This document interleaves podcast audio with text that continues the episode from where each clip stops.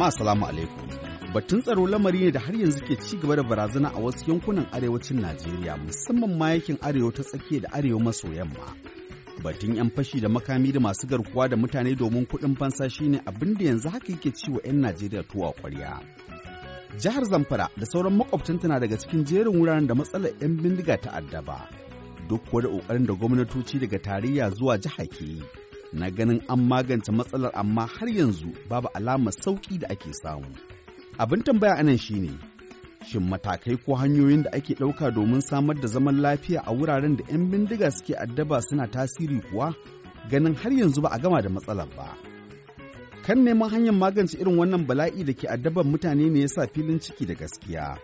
Ya karɓi bakuncin wani tsohon ɗan bindiga daga jihar Zamfara da Nasarawa mai suna Alhaji Abubakar Usman, wanda aka fi sani da Shumo.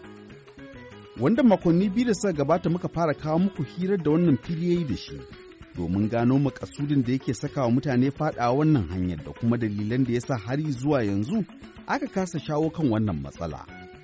A yau za mu kamo kashi na ƙarshe na zantawar da wannan bawan Allah, da fatan masu neman hanyoyin warware wannan matsala na kusa, domin fahimtar yadda 'yan bindiga ke tunanin su tare da ƙaddamar da hare-haren da suke. Suna Nasir Fili Hashin Gumal, a yi sauraro lafiya.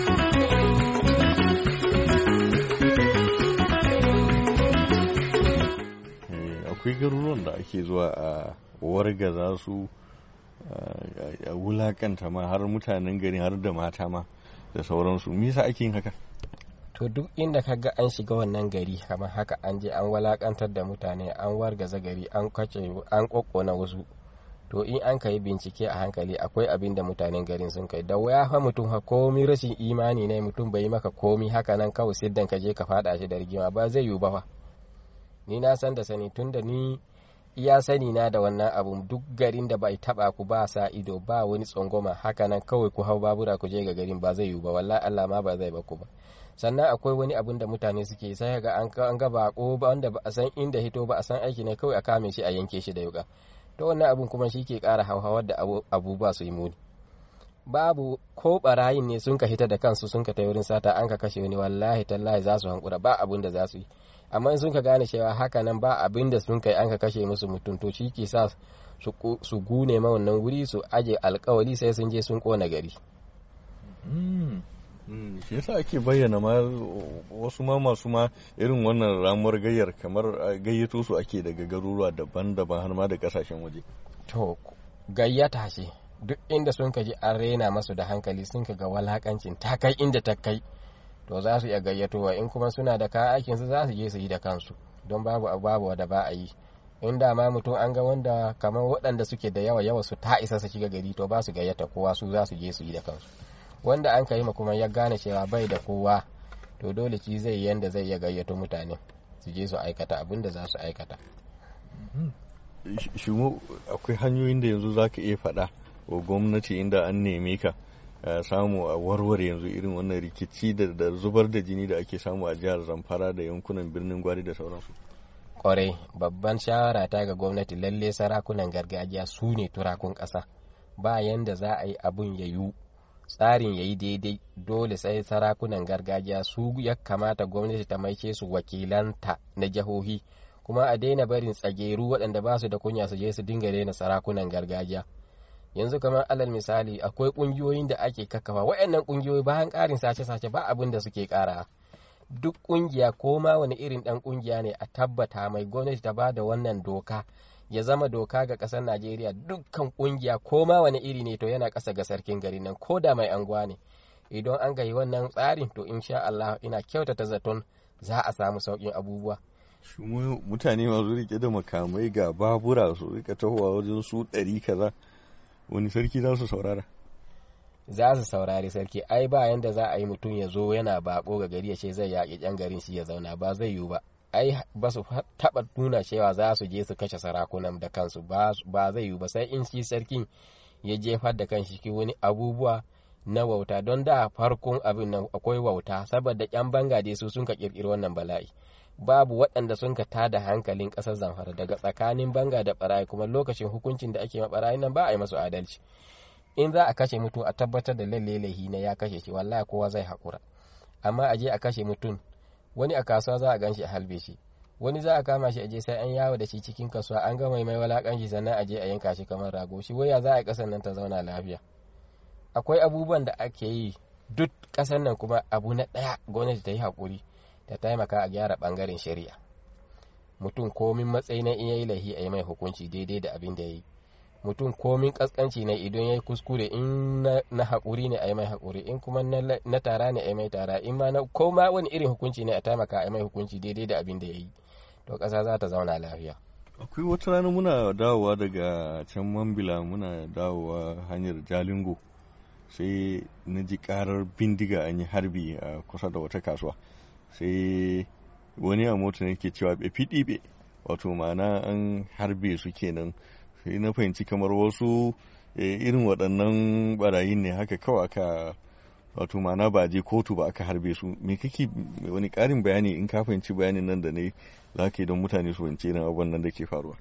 To duk abin da ke sa akwai waɗanda su ba alƙalai ba ne su ba komi ba ne amma su za su je su yi hukunci da kansu ba bincike ba komai to wannan hukuncin da ake yi na ƙarfi da yaji shi ke haddasa fitintunu kuma wallahi idan ba an bai irin su ba ba yanda za a samu sauƙin abubuwan nan. Amma in yau an ka dawo shari'a duk mutumin da ya laifi a zauna da shi a hira a gane cewa me ya kamata a yi da shi. A faɗa ma duniya cewa ga abun da dalilin da za a yi ma wani hukunci kaza wallahi kowa zai haƙura. Abun da nake faɗa waɗannan waɗanda mutanen da ake kashewa su waye ne suke kashe su? Kuma labarin da kuke samuwa suke ba su izinin su yanke wa mutane hukunci a cikin kasuwa kawai a kashe mutum. To mu dai iyaka sani mu waɗanda mun san suna wannan aiki yan banga ne. Shin da sanin hukumar da suke yi ko ko suna yin ƙashin kansu ne? Har yau ba mu tsaya mun kai bincike ba. Har lokacin da an ka fara ɗaukar mataki na ramuwar gayya ba wanda ya taba zuwa ya zauna da sarakunan su ya tambaye shi wannan abun da ake yi kuna ganin kamar ya daidai ko bai daidai ba. Shin wannan abun ya za a yi a maganin shi? Wa ke sa su suna yi ba mu sani ba. Su ke sa kansu ba mu tambaye su ba. Mu dai in mun ka shiga gari za mu halatta jinin ko ma waye duk wanda mun ka gani kawai shi dan banga ne ko yayi ko bai yi ba shi shi din ne. Yadda yan boko haram da suka fara wa yan sanda kenan. Kwarai. Lokacin nan tunda sun nuna cewa su lalle ilallan ba ba shari'a ba komi su za su yi da kansu kuma duk abin da ke kawo talaka ya ɗau hushi ya je ya hukunci da kanshi daga laihin hukuma ne. Hukuma an ɗauki mataki yau ka je ka faɗa ma in mai anguwa ne ka faɗa mai ya iya saurare ka ka je ka faɗa mai hakimi ya iya saurare ka faɗa ma mai martaba ya iya saurare ka. To shin ya ake son lokacin ayi tunda duk inda a tunanin ka ka kai kara ba a yi maka magani ba. To kaga in an ka ja da baya sai ga wani an yi wani abu wanda ba ya dace ba. Ta yaya za ka yi ka taimakawa jami'an tsaro ko kuma gwamnatin najeriya ta zo ta magance waɗannan abubuwa yau a ji wajaje duk sun yi shiru kowa ci gaba da sana'arsa. Manoma su yi noman su masu kiwo su yi kiwon su masu zuwa kasuwa su je kasuwa su to abin da za a yi a nemi masu ilimin addini a don ba yanda za a yi jahili ya shirya da dan uwansa jahili. Jahili dama batace ne kuma batace ba zai taba shiryar da batace irinsa ba. A nemi masu ilimin addini su sun kasan irin yanda za a yi yanda za a yi a tarbiyyatar da mutane. Kuma in za a nemi malaman na addini a nemi nagari. Gada a nemi mutane waɗanda za su je kuma su kawo wani abu nasu ra'ayi don saboda mutum yau kana ganin shi kace mai ga abun da nisa ka je kai sai ya mai da abun iko shi ko ya je ya dinga takama da shi. Duk mutumin da za a nema a faɗa mai cewa duk inda za ka je akan wannan abun to lalle ka tabbatar da kai a matsayin ka bako kuma ka je gurin yan gari kana neman goyon bayan su da shawarar su don ba yanda za a yi a yi shugabanci in ba a shawara.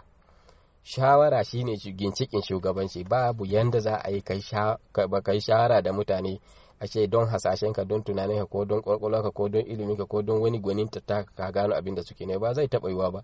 Amma ka zauna da mutane ko da jahilai ne in ka je gada ka nuna masa cewa kai mai ilimi ne ka zo ka shiryar da su su jahilai ne ba za su saurare ka ba. Amma in ka zo ka nuna masu kai ma fa irin su ne ya za a yi a gyara?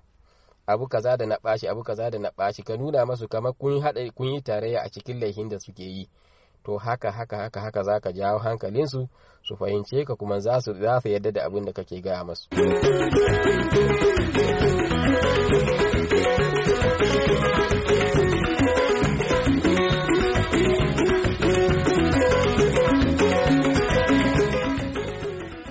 Alhaji Abubakar Usman kenan da aka fi sani da shuno tsohon ɗan bindigar da ya ce ya tuba ya dawo hanyar da ya kamata. Ya kuma ke son taimakawa hukumomi domin samar da hanyar kawo ƙarshen matsalar fashi da makami da kuma garkuwa da mutane don kuɗin fansa. Yanzu a madadin Nasiru Adamu El Hikaya, da nisar fili hashin gumal ke cewa sai mako mai zuwa idan Allah ya kai mu za mu kawo muku wani sabon shirin. A kasance lafiya.